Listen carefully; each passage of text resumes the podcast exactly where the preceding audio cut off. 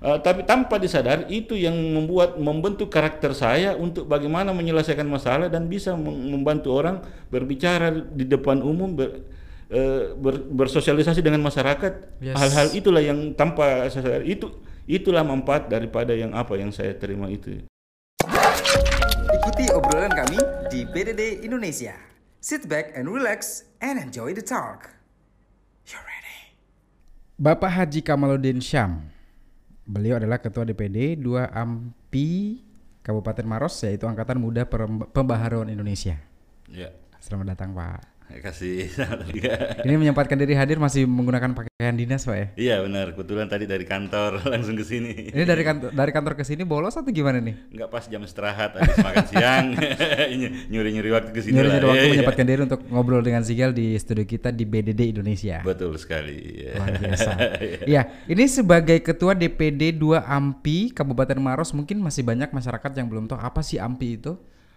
AMPI itu didirikan pada tahun 1978 di mm -hmm. Pandaan di Jawa Barat. Jawa Barat. Uh, uh, itu sekelompok organisasi kepemudaan mm -hmm.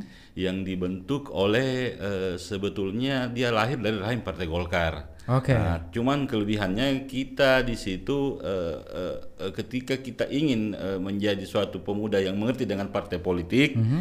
uh, kita di, dianjurkan untuk bergabung ke sana. Makanya kita tidak ada batasan apakah itu PNS atau hmm. ke uh, pengusaha, pengusaha apa semuanya bisa bergabung ke sana ya. Oke okay, oke okay, oke. Okay. Dan ini kalau untuk di Maros sendiri sudah sejak kapan AMPI terbentuk? Sejak tahun 78 sudah mulai juga ada di Maros. 78. Iya. Ternyata udah lama ya? Iya, makanya eh, eh, pendahulu-pendahulu saya semua sudah pada ada yang meninggal, hmm. ada yang uh, termasuk uh, ketua AMPI ketiga di Maros itu uh, Bupati Baru, mm-hmm. uh, Bupati Baru sekarang. Kebetulan pada saat itu dia selaku kepala dinas PU di Kabupaten Maros, mm-hmm. sehingga dia uh, terpilih menjadi ketua AMPI. Oke. Okay. Iya. Yeah. Nah kalau bapak melihat kalau misalnya sebagai ketua uh, AMPI Maros, ini tagline-nya apa sih? sebetulnya kita mau menjadikan uh, pemuda adalah panglima. Ya. Pemuda adalah panglima. panglima ya untuk uh, menjadi uh, laboratorium kader. Mm-hmm. Kita persiapkan pemuda-pemuda yang ada di Kabupaten Maros untuk siap bersaing di ke depannya nanti. Oke. Okay. Iya. Yeah. Berarti pemuda-pemuda yang punya apa namanya punya daya pikir yang kuat gitu ya? Iya yeah, betul. Yang cerdas yang yeah. bisa, yang masih kuat untuk bisa bekerja keras gitu. Iya. Yeah. Karena kan kita punya tugas di AMPI ini eh, satu-satunya barangkali organisasi kepemudaan yang betul-betul kita sasar semua mm-hmm. sektor. Mm-hmm yang mau jadi legislatif kita juga siapkan bagaimana caranya. Kader-kader berarti udah pada disiapkan gitu ya dari iya, gitu. Betul. Yang mau jadi berkarir di birokrat juga kami siapkan, hmm. kita bimbing, kita tuntun bagaimana caranya menjadi uh, birokrat-birokrat yang bagus yes. di Kabupaten Maros ya. Selama Bapak menjabat sebagai ketua AMPI, yeah. ini sampai per hari ini sudah berapa anggota, Pak? Sudah berapa jumlahnya? Uh, saya kan jadi ketua AMPI di Kabupaten Maros mulai tahun 2012. 2012. Iya. 8 tahun kurang lebih. Kurang lebih 8 hmm. tahun. Jadi di musda kedua alhamdulillah saya terpilih kembali. Hmm. Dan keanggotaannya sudah pengurus ya. Hmm. Dan pengurus itu sudah mencapai 125 orang ya. 125 orang sejak dari tahun 2018 tadi. Iya, iya. Oke. Okay. Yeah. 2000 berapa? 2012. 12. Iya, ya, 2012. Saya. 2012. Berarti selama 8 tahun ini jumlah total sampai per hari ini ada 125 orang. Iya. Yeah. Untuk yang uh, pengurusannya itu sendiri. Iya. Yeah. Oke. Kemudian syaratnya bergabung gimana?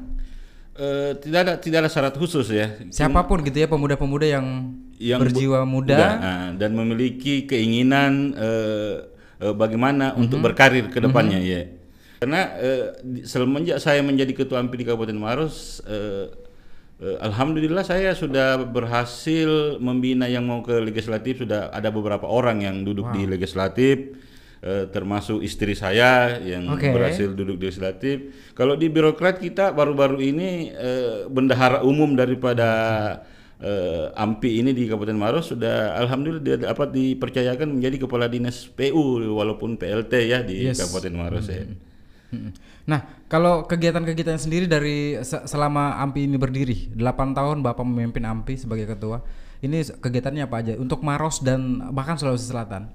Eh, mulai dari awal kita sudah melakukan eh, pembinaan-pembinaan eh, eh, pelajar ya yang yang ingin melanjut tamat SMA ingin melanjutkan ke jenjang perkuliahan. Kami lakukan pembinaan-pembinaan kami bekerja sama dengan suatu bimbingan belajar eh, turun ke bawah eh, kita undang semua dari 14 elemen kecamatan pelajar-pelajar yang ingin masuk ke lembaga perguruan tinggi negeri kami siapkan lembaga pendidikan Eh, bahkan kami di 2015 sampai 17 kami menjadi or- organisasi kepemudaan terbaik di Kabupaten Maros. ya. Wow. Iya. 2015 itu prestasi Iya. yang didapatkan. Iya. Nah, kegiatan-kegiatan sosial saya pernah saya baru-baru saja membaca di media bahwa eh, AMPI baru saja melakukan kegiatan sosial di Masamba. Ya. Betul ya? Itu itu kegiatan Ampi Masamba. Yes, Iya, kegiatan iya, AMPI iya. Masamba yang kemarin dilaksanakan. Iya. Ada berapa armada berangkat? Eh, kami sebetulnya kalau per kabupaten kami cuman satu orang aja, eh, satu mobil ya, satu, goro- satu kelompok. Cuman di, kami dikoordinir oleh AMPI DPD 1 provinsi ya. Oh, provinsi langsung datang. Iya, iya. menemani datang. gitu pada Iya, jadi dia yang komandoi, yang yang pimpin. Kita cuman eh, eh, perwakilan kabupaten mengirim delegasi-delegasi untuk ke- ikut serta ke Masamba. ya. Delegasi-delegasi berarti ada beberapa kabupaten juga yang lainnya. Betul sekali. Ada ya. berapa? Eh, waktu itu kita sempat terdata saling sapa ada di 14 kabupaten Di ya. 14 kabupaten. Ya, ya, walaupun tidak lengkap ya dari 24 kabupaten cuma ada 14 ya. Mhm. Kemudian berangkatlah ke Masamba pada saat itu Iya. sebagai korban-korban banjir yang ada di sana diberikan bantuan dari eh, AMPI itu sendiri. Iya, yang- Sulawesi Selatan gitu ya. Iya, yang sempat kami kumpulkan ya. Apa-apa saja yang dikerjakan di sana? Kami dana bantuan sembako, eh, bantuan-bantuan obat-obatan yang eh, sifatnya sangat dibutuhkan, ya itu yang kami antarkan ke sana sampaikan ke masyarakat ya. Nah, berbicara masalah kegiatan sosial dari AMPI, juga ini di tengah pandemi pasti sudah ada kegiatan sosial juga ya. Ya, Saya sempat membaca bahwa AMPI Maros sudah membagikan sembako kepada masyarakat-masyarakat di 14 kecamatan bahkan. iya betul. Iya. Itu eh, bulan berapa, tanggal berapa? Eh, kemarin pada saat Ramadan ya, Oh, pas Ramadan. Ya Ramadan menjelang Lebaran, kami sadar bahwa eh, di saat-saat itu masyarakat sangat susah Yes. untuk mendapatkan eh, sembako-sembako di mana adanya PSBB mereka dilarang beraktivitas secara bebas Eh, sehingga kami merasa terpanggil dengan ala kadarnya kekuatan kami eh, walaupun barangkali eh, tidak bisa mencangkup semua elemen masyarakat cuman Yes. Eh, kami berkoordinasi dengan pimpinan rayon kami di kecamatan bahwa kami bisa bantu per kecamatannya sekitar 25 orang. Kami datangi menyerahkan ke pimpinan kecamatan kami, selanjutnya di- disalurkan kepada eh, yang menurut dia sangat-sangat membutuhkan. Yang Ya. sangat krusial pada saat itu. Iya, gitu ya. betul sekali. Nah, saya pengen tanya nih, Ya. sebagai seorang ayah kepala rumah tangga di luar daripada jabatan bapak sebagai ketua AMPI Iya. Maros, saya pengen tanya, kalau menurut bapak pribadi mengenai dampak pandemi, Wah luar biasa sekali ya. Jadi eh, eh, artinya saya mulai dari eh, pers- eh, dari segi keagamaan ya. yes, Kami kemarin dipaksa dengan situasi pandemi menjadi imam di rumah, sholat taraweh apa segala dengan ya ilmu bekal hafalan-hafalan yang Yes, cukup yang pas-pasan. seadanya pada Ya, saat itu ya. kami kami eh, ternyata eh, bisa walaupun pas-pasan ya karena situasi yang memaksa kami. ada hikmah besar di situ ya. Iya, ka- kami setelah eh, berbuka puasa, anak dan istri kami sudah menunggu untuk menjadi makmum. eh, Secara otomatis kita harus siap tidak siap harus Yes. siap. Sehingga itu itu yang membuat kami eh, menjadi bahwa kita harus siap dari mulai dari sekarang eh, untuk menyampai sampai ke akhirat sebetulnya. Betul. Iya. Karena Ramadan kemarin pada saat PSBB kita semua masyarakat Indonesia di di apa namanya dihimbau untuk tetap di rumah Di gitu ya rumah, iya, beribadah nggak gitu ya termasuk iya. sholat tarawih dan Iya. segala macam. Uh, bahkan Gitu kan.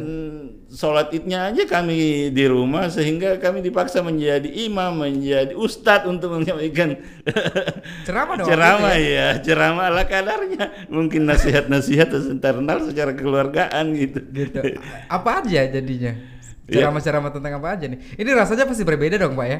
Ya kan pasti kita nyontek lah di, Ko- di- konsep gitu ya. konsep di internet di apa kita pesan-pesan yang eh, secara pribadi kita pahami bahwa eh, putra kami punya eh, sering melakukan ini yang menurut kami tidak benar itulah yang kita sisipkan bahwa ini tidak boleh begini-begini karena baik secara dunia baik secara akhirat itu melanggar itu ya, boleh. agama sekalian nasihat kepada anak. Iya betul Anak sekali. berapa sih, Pak?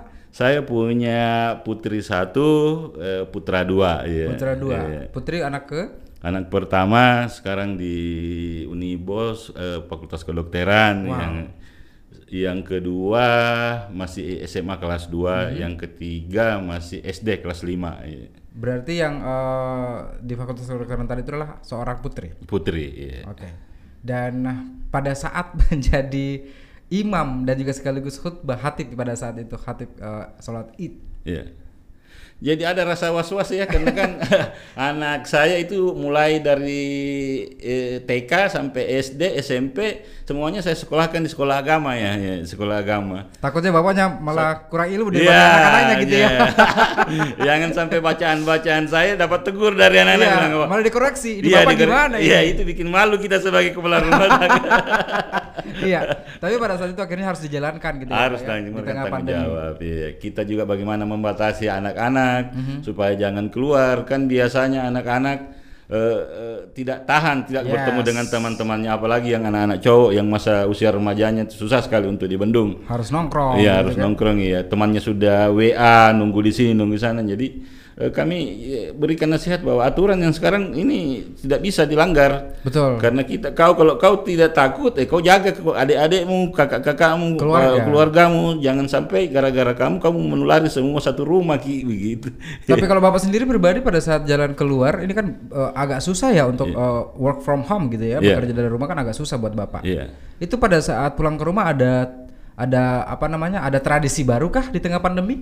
Wah banyak sekali ya. Jadi kan begini, eh, selain saya ketua AMPI kan saya juga selaku ASN yang punya Yes. tugas-tugas pokok yang harus saya laksanakan yang eh, kebetulan saya bertugas di Dinas Pemberdayaan Masyarakat Desa jadi eh, walaupun eh, saya tetap ada kunjungan kunju- dapat tugas dari atasan untuk melakukan kunjungan-kunjungan ke desa.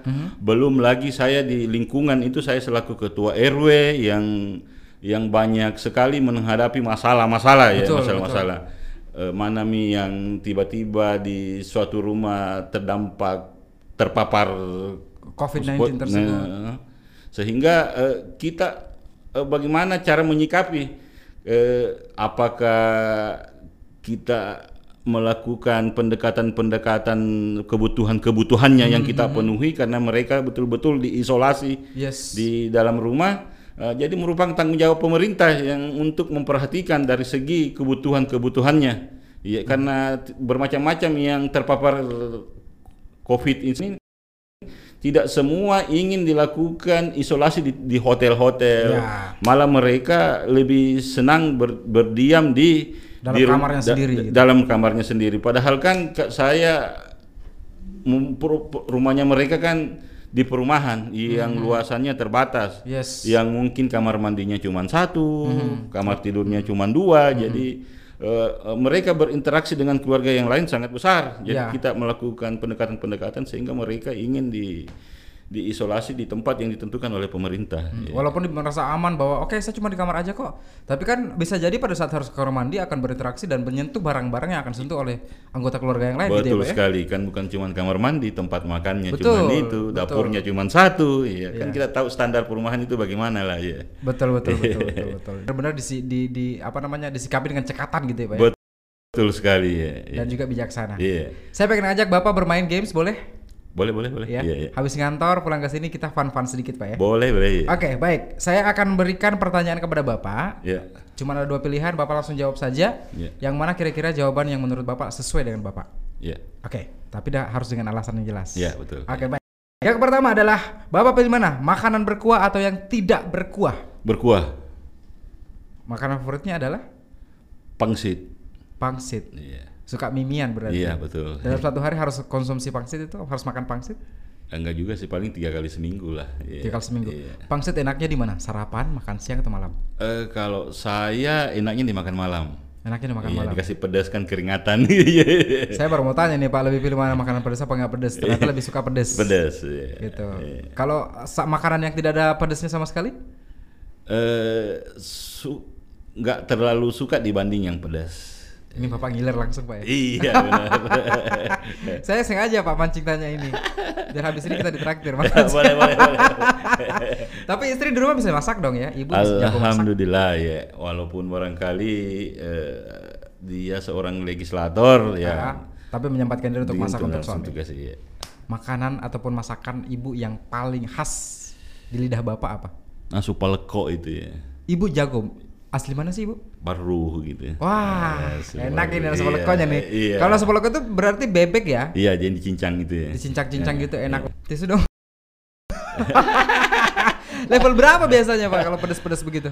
Eh, paling saya kalau cuma level 2, level 3 lah. Level dua, level Iya, tiga Kalau ya. level 5 nggak sanggup juga. Iya, ini ibu harus sadar nanti lagi nih. Kita Iya, iya. wawancara juga ya. Iya. Yang berikutnya adalah anak terjun ke politik atau jadi pengusaha. Pengusaha. Anak muda anak muda yang lain di eh, Maros ini di apa namanya dididik, dibimbing untuk masuk di politik. Tapi anak sendiri pengusaha. Iya, karena kalau sudah jadi pengusaha gampang jadi politisi. Oh. Kali-kalinya Bapak jago nih Iya. jago deh. karena turunan saya memang di politisi sih soalnya. Oke, ASN oke. yang berpolitisi. Oke, AS- ASN yang yang terjun ke politik. Di politisi, Oke. ya. Oke. Pencapaian paling tinggi Bapak apa harapannya? Harapan saya ya paling eh, sebetulnya bisa mensukseskan semua anak-anak, Mhm. mengembangkan organisasi yang sementara saya pimpin, eh, sukses dalam karir da- dalam artian bisa bermanfaat bagi masyarakat yang di sekitar Kalau saya. posisi, kita sebutkan posisi-posisi yang paling ingin dicapai oleh Bapak. Pasti tertinggi dong. Eh, kalau saya target sebetulnya eh, anggota DPR RI sih sebetulnya. DPR RI. Iya. Oke. Amin, amin, Iya. amin. Tapi jangan sombong, Pak ya. Iya. Tiba-tiba kita dilupain pas duduk di sana.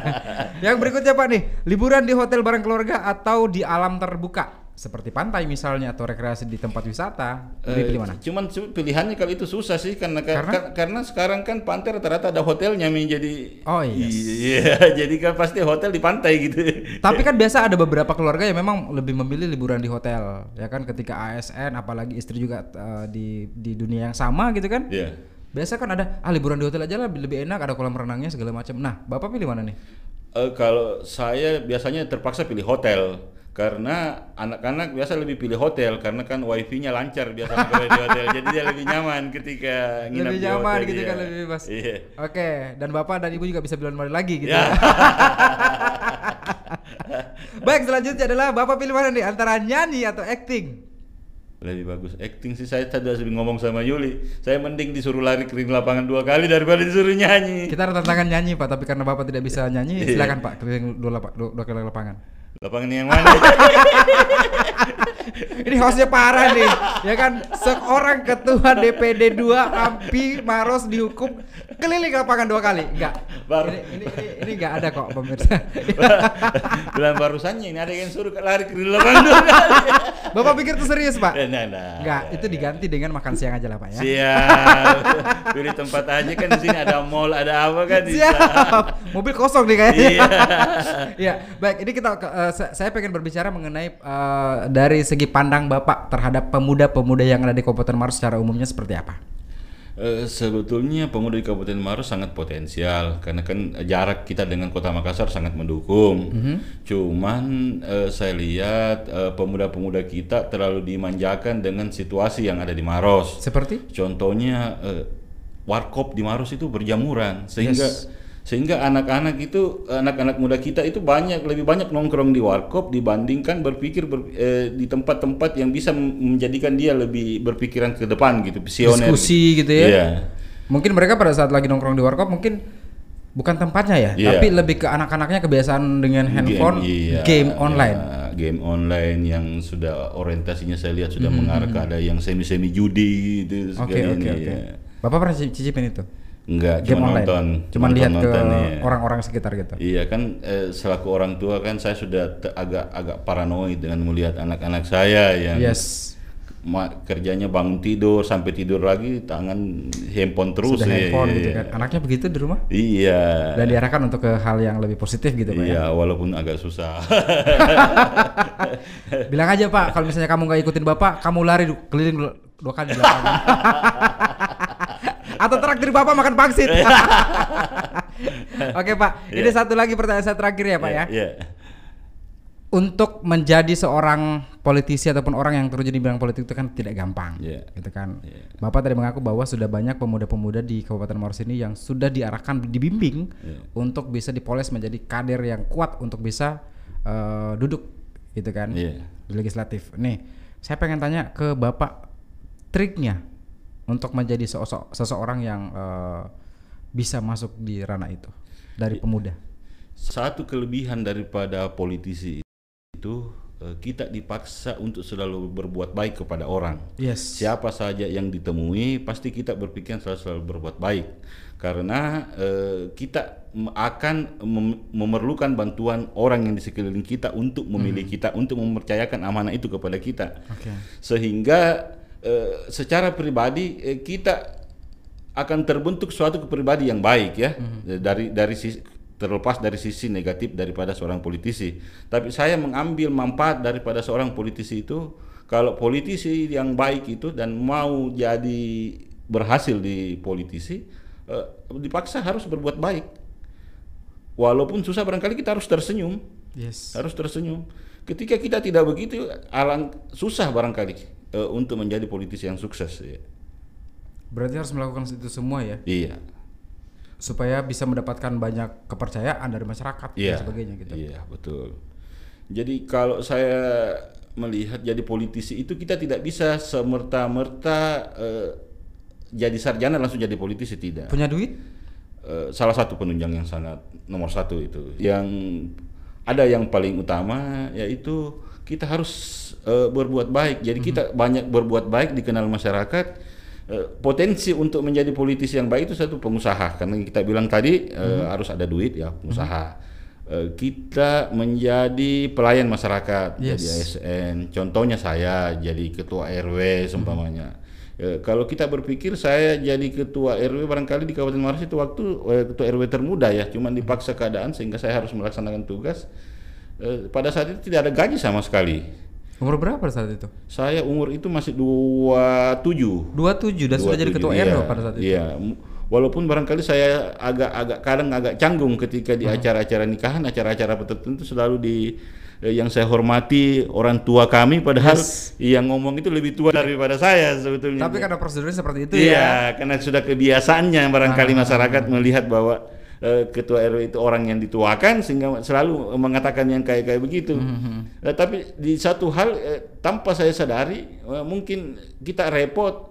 Eh, walaupun barangkali masalah gotnya tetangga sebelah apa semua permasalahannya kita yang turun tangan menyelesaikan itu. Eh, se- kalau secara rasional ini pekerjaan-pekerjaan sia-sia sudah tidak ada gajinya repot apa segala Eh, tapi tanpa disadari itu yang membuat membentuk karakter saya untuk bagaimana menyelesaikan masalah dan bisa mem- membantu orang berbicara di depan umum ber- eh, ber- bersosialisasi dengan masyarakat. Yes. hal-hal itulah yang tanpa saya sadari itu itulah manfaat daripada yang apa yang saya terima itu. Dan hal-hal itu dapat dirasakan mulai dari sekarang pi. Kalau zaman-zaman dulu kita berpikir ini tidak ada manfaatnya pekerjaan sia-sia. Intinya adalah sebagai pemimpin daerah kita tidak eh, semerta-merta bahwa kita punya kekuasaan, tapi Iya. kita justru menjadi pelayan masyarakat. gitu ya, Betul ya? sekali. Jadi masyarakat kan sekarang sudah pintar nih. Betul, betul, Bisa nih menilai. Ini orang kemampuannya apa, ini kelebihannya apa, ini karakternya bagaimana. Baik jika ini. Yes, betul betul betul. Walaupun disodori duit, enggak, Eh, gitu enggak, kan? serta-merta. Lebih ke hal yang oke, ini lebih pas nih. Iya. Saya pilih. Oke. Oke, baik. Satu ter pertanyaan terakhir boleh saya tambahkan lagi? Ya boleh boleh. Ini adalah pertanyaan tambahan saya. Ya. Bapak pilih mana nih? Bicara di depan umum atau bicara di depan satu orang? Seperti sekarang ini di podcast. Lebih pilih mana? Ngomong di depan umum atau podcast? Eh, saya sebetulnya lebih enak ngomong di podcast. Karena Karena kan kita eh, lebih bebas lebih bebas berbicara gitu ya? berbicara ya. Kalau umpamanya kita berdua bicara kan eh, ketika ada yang menurut yang lawan bicara kita tidak benar atau Mhm. salah dia langsung bantah kita. Yes, tapi Nah. kalau di depan umum Depan umum kan tidak orang tidak punya kesempatan untuk eh, Mengkritik. me- mengkritik kita, tetapi eh, dia diberikan gambaran menilai, gambaran bahwa karakternya eh, orang yang berbicara ini seperti ini. Oke. Nah, tapi kalau cuma satu orang kita lawan bicara, cuma satu orang yang bisa nilai ki belum tentu penilaiannya benar itu ataukah salah itu yang yang penilaian satu orang itu. Betul betul. Iya. Jadi Bapak lebih memilih dua orang berbicara gitu ya, Iya, private lebih private. Iya. Oke, berarti lebih pilih dua orang makan pangsit. Iya. Terima kasih banyak Bapak sudah hadir. Sama-sama, Yes, ya. Semoga kegiatan organisasinya berjalan lancar dan Amin. tidak mengganggu kegiatan Bapak sebagai ASN juga dan Amin, juga Mas. sebagai orang yang luar biasa menginspirasi pemuda-pemuda yang ada di Kabupaten Maros. Iya, makasih. Kita undang lagi nanti akan hadir lagi ya Pak ya, kalau ada waktu ya. Insya Allah. Oke. Iya. Sehat selalu Pak, itu yang paling penting dengan Iya. keluarga tercinta di tengah pandemi. Iya, makasih, makasih. Terima kasih banyak Iya. sekali lagi. Sigal pamit mundur, BD Indonesia sampai jumpa.